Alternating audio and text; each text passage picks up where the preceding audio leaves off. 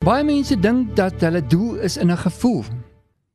Maar ek is daarvan oortuig dat jou doel is in dit wat jy is. Dit wat jy het wanneer jy niks in jou hand het nie. Dis wie God jou gemaak het om te wees.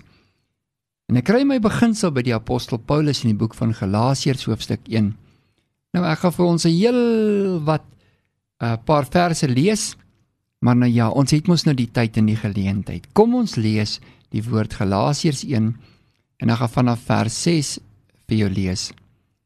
Ek wonder my dat julle so gou afvallig geword van hom wat julle deur die genade van Christus geroep het na 'n ander evangelie toe. Terwyl daar geen ander is nie behalwe dat daar sommige mense is wat julle in die war bring en die evangelie van Christus wil verdraai. Maar al sou ons of 'n engel uit die hemel julle evangelie verkondig in stryd met die wat ons julle verkondig het, laat hom 'n vervloeking wees.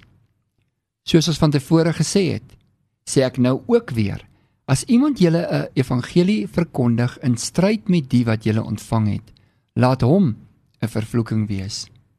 Vers 10. Sou ek dan nou die guns van mense of van God soek?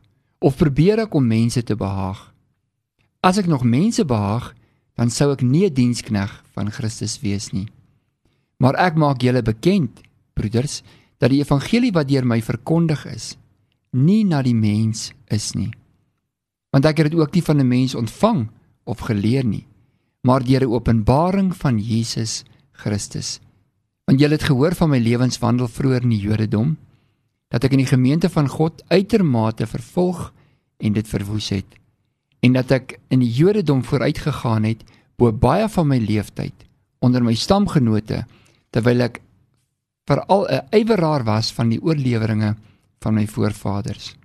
Maar toe dit God behaag het wat my afgesonder het van die skoot van my moeder af en deur sy genade geroep het om sy seun in my te openbaar sodat ek hom onder die heidene sou verkondig het ek dadelik nie vlees en bloed geraadpleeg nie en ook nie na Jerusalem opgegaan na die wat voor my apostels was nie maar na Arabië vertrek en weer teruggekom na Damaskus. Nou daar het Paulus 3 jaar gebly en hy teruggegaan Jerusalem toe en ook dan kennis gemaak met met die apostel Petrus maar ek lees die laaste 2 verse vers 22 en 23 en ek was persoonlik onbekend by die Christelike gemeentes van Judea. Hulle het net gehoor hy wat ons vroeër vervolg het, verkondig nou die geloof wat hy vroeër besig was om uit te roei. En hulle het God verheerlik in my. Dis 'n baie eksklusiewe verhaal wanneer ek en jy lees oor Paulus. En ek wil 'n bietjie terugvat na vers 12 toe. Die omstandighede van Paulus was dat hy een lewe geleef het en hy het gedink hy doen God 'n guns en hy vervul sy roeping en sy taak en dis wat hy geroep is in die aarde om te doen. Hy vervolg die Jode, hy vervolg Christene en hy doen dit met alles wat hy in hom het. Hy was immers die een wat dan ook die klippe georkestreer het vir die martelare. Keer op keer het hy homself by uitstek soos wat hy dit self stel, homself bevind in die vervolging van die Christendom. En toe gebeur daar iets in sy lewe. Daar kom 'n openbaring. Hy ontmoet met God in sy lewe. Hy kom tot ander insig en verstaan. Die lig gaan by hom op. En nadat hy die lig gesien het, het sy lewe drasties verander. En dis wat die roeping doen. Ons roep onsself soms na wille voorkeur. Ons roep onsself soms na tevredenheid. Dit wat ons dink vir ons lewens goed is. Dit wat ons omstandighede dikteer om ons wat vir ons goed is. Sien maar daar's 'n baie besondere plek waar God homself in jou kom openbaar. Waar hy vir jou van die binnekant af kom leer. Wie is jy? Waarvoor het hy jou geroep? Wat is sy plan met jou lewe? Paulus het 'n plan vir sy lewe gehad en hy het dit in volle uitgeleef nog voor hy Jesus ontmoet het. Daardie dag in sy ontmoeting met Jesus het iets in sy lewe radikaal gedraai. Sy kultuur het verander. Sy doen en late het verander. Sy verstaan het verander. Die impak van sy lewe het verander. Inteendeel, dit was ommekeer gewees.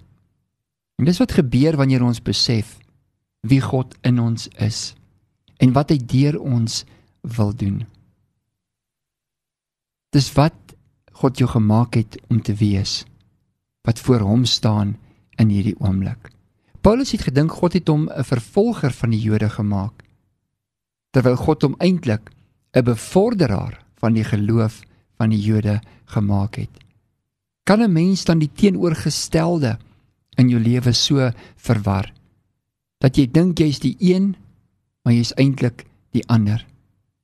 En dit is baie maklik dat dit kan gebeur wanneer 'n mens verval in dit wat hulle sê, dit wat mense sê, dit wat hulle van jou verwag in plaas van om werklik in gemeenskap en in verhouding tot God toe te tree. Nou Paulus nie veel keuse gehad nie. Hy was maar net op pad gewees. Toe hy met blindheid geslaan was en hy het nie verstaan wat is besig om met hom te gebeur nie, maar die blindheid was eintlik maar net 'n fisiese kondisie van 'n innerlike kondisie. God het eintlik maar net vir hom gewys hoe in duisternis loop hy eintlik.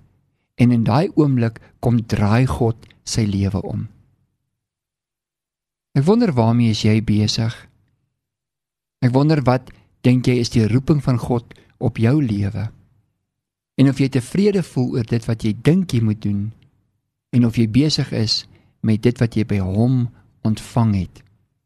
Vers 12 sê die woord dit so mooi want ek het dit nie ook van 'n mens ontvang of geleer nie maar deur die openbaring van Jesus Christus. Hy sê dit wat hy nou glo is nie die lering van 'n mens nie. Ja mense beïnvloed hom maar hy het iets by God gehoor. Hy het iets ontvang. Hy het iets geleer iets is aan hom geopenbaar iets het oopgegaan in sy binneste hy het hy het iets gebaar En nou is al sy handelinge op grond van daardie openbaring. God wil vir jou leer wat om te doen met dit wat hy vir jou gegee het. Daai talent, daai vermoë, daai spesifieke inklinasie wat eie en uniek aan jou is. God wil jou leer en wys hoe om die evangelie te bevorder deur dit. Hoe om die mensdom na 'n plek toe te bring waar die mense bevestig kan word in wie God is. Wanneer die woord sê, maar soek al eers die koninkryk van God en sy geregtigheid en al die ander dinge sal hy by jou lewe byvoeg. Dan moedig hy my en jou aan om te sê, maar maar soek dit wat in God is. Moenie net na hierdie wêreld kyk nie en die koninkryk van hierdie wêreld nie, maar dit wat in God is, soek dit. Dit wat God sê, die realiteit van God se woord, die realiteit van sy koninkryk, lewe deur die gees en nie deur die vlees nie. Dis die roeping. Dis die roeping waarmee God jou ook geroep het. Ek is nie seker of Jesus probeer het om 'n Christen te wees nie. Ek weet ook nie of hy homself 'n Christen genoem het nie. Hy noem homself Jesus Christus die seun van die lewende God want sy hart was nie om 'n Christen te probeer wees nie, sy hart was om die wil van sy Vader te doen. En dan sê Jesus ook in die boek van Johannes in hoofstuk 8, dit wat ek hoor, dit sê ek, dit wat ek sien, dit doen ek. Ek is hier om die wil van my Vader te volbring. Dit is die roeping wat God op jou geplaas het. Om dit te gebruik wat God vir jou gemaak het om te wees en dit wat hy aan jou toevertrou het. Alles tot sy eer dat jy dit sal uitleef in elke dag, elke omstandighede wat oor jou pad langskom. Elke persoon wat God dalk oor jou pad stuur om daai getuienis so uit te leef dat hy deur jou verheerlik sal word. Baie mense soek aanvaarding. Somstyds soek mense erkenning. Somstyds is mense op soek na rykdom, na faam.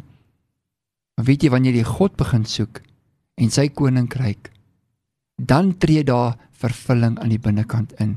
Dis daar waar jy besef wat die waarde van jou lewe is. Dis daar waar jy besef wat God eintlik vir jou instoor het. En dit kan jy nie by 'n mens kry nie. Dit kry jy soos Paulus sê by hom. Ek het dit ontvang en ek het dit ge geleer by hom en en hy het homself in my binneste geopenbaar. Ja, ek het 'n verlede. En ek is nie trots op my verlede nie, sê Paulus, want ek het regtig gedink ek vervul my roeping. Maar nou dat ek weet wie hy in my is, nou dat ek weet wat hy deur my wil doen, nou kyk ek terug na my verlede en ek sê, dis nie meer wie ek is nie. Ek het nou verander. My verlede tel nie meer teen my nie. Die openbaring van Christus in die hede, dit word my lewe. Dit is nou my roeping. Ek gaan myself nie bly uithaal en en myself bly veroordeel oor waar ek vandaan kom nie. Ek gaan begin fokus waantoe hy met my lewe op pad is. Dis hierdie oomblik wat tel. Dis my tree van hierdie oomblik af in geloof en vertroue om my roeping te vervul wat voor hom tel. Vandag as hy met jou praat. Vandag as hy homself aan jou openbaar, moenie jou hart verhard nie want is in daardie week hart daardie sagte grond waar God sy woord kom saai waar daar vele vrug kan kan voortkom. Vers 15 praat die apostel Paulus oor die roeping. Maar toe dit God behaag het wat my afgesonder het van die skoot van my moeder af en deur sy genade geroep het. Besef jy dat voordat jy nog 'n aardse van of 'n naam gehad het het jy 'n roeping gehad. Besef jy dat jy doel nie ontstaan het toe jy daarna begin soek het in jou menslikheid nie, maar jou doel het saam met jou na hierdie aarde toe gekom. Toe God sy gees gegee het in 'n liggaamlike vorm, daai doel is opgesetel in jou gees. En dan God jou toegerus liggaamlik Party mense is langer en party mense is korter, ander is sterker in een gebied, ander is swakker in dieselfde gebied, maar weer sterker in 'n ander gebied. Hoekom? Want God het jou toebedeel wat jy nodig het om jou roeping te vervul. Daardie roeping praat met jou vandag in jou. Dit roep jou terug na 'n plek toe in jou binneshuise tempel. Waar God sê, Daar waar die Gees woon, daar wil ek myself openbaar. Daar wil ek jou leer wie jy is. Daar wil ek jou wys wie ek is in jou, sodat ek kan wees wat deur jou lewe leef. En dat dit nie meer jy is wat nou leef nie, maar dat dit die roeping is waarmee ek jou geroep het wat nou in en deur jou lewe manifesteer. Ja, Paulus sê om sy seun in my te openbaar. Daar's 'n openbaring wat vir jou in hierdie dag wag. En in vers 24 was almal so bly gewees toe Paulus sy pad gevind het.